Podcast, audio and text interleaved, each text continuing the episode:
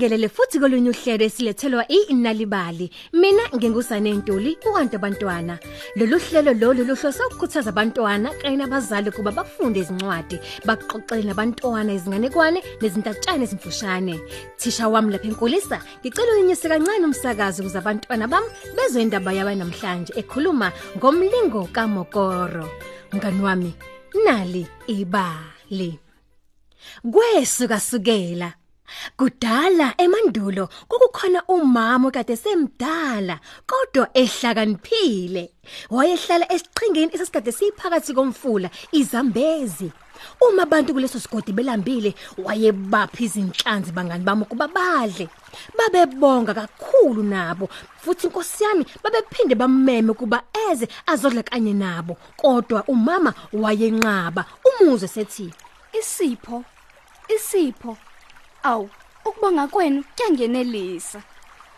Kodwa inkosi kuleso sigodi yayinempakamo futhi nje inonya ingugombela kwesayo. Nguba wena?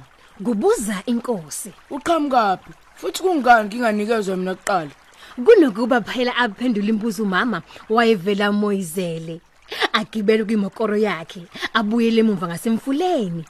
Lesi senzo lesi sayithukuthelisa kakhulu inkosi yabona kungcono kuba imlandele lo mama.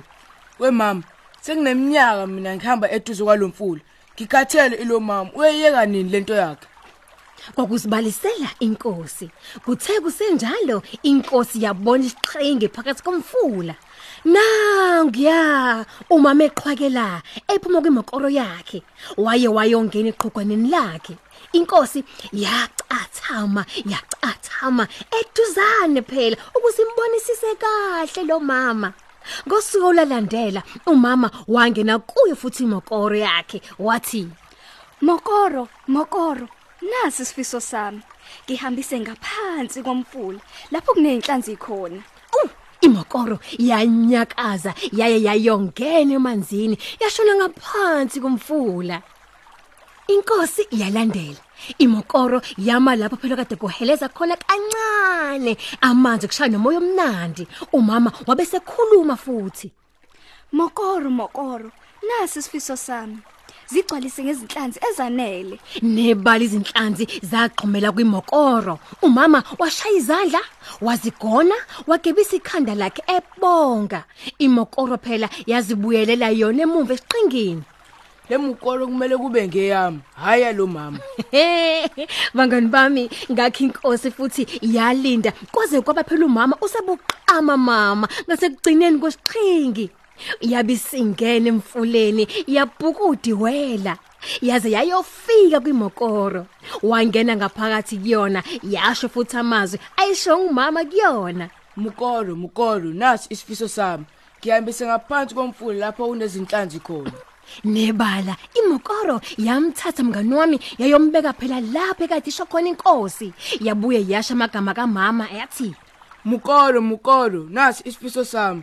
Zigcwalise ngezinhlanzi ezanele. "Mm, emfuleni kwaba khona ubugqwambu ugqwambu izinhlanzi zitheleka kwimokoro zazi lokhu zithelekile izinhlanzi kuleyo mokoro leyo nayo belu yayisithanda ukuvoshekela ngaphansi emfuleni izinhlanzi nazo seziqala phela ukumboza izinyawo zenkosi yangabi sakwazi ukunyakaza Hayibo, hayibo, asami ngani manje lezi zinhlanzi ukugcwala.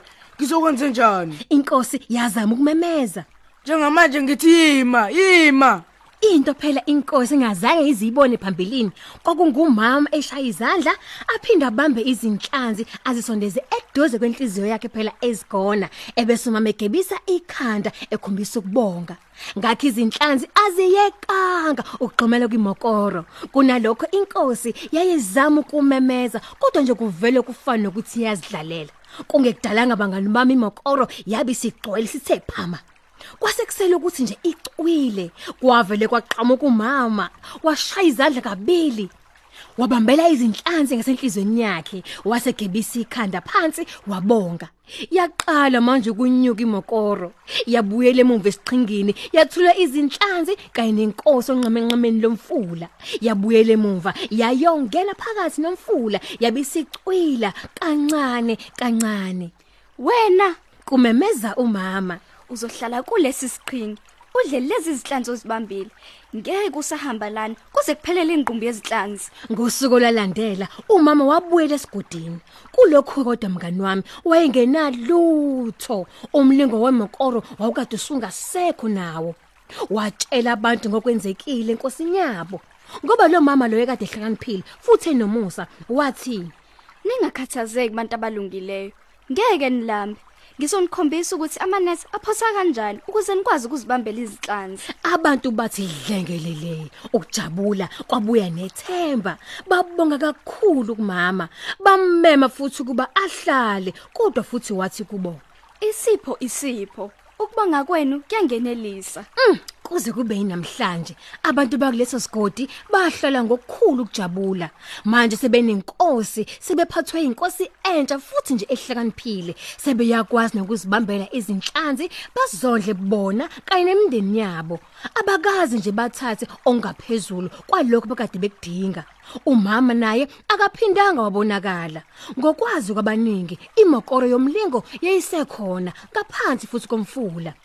Kuze kube inamhlanje inkosi isadla zona izinhlanzi kade izibambile.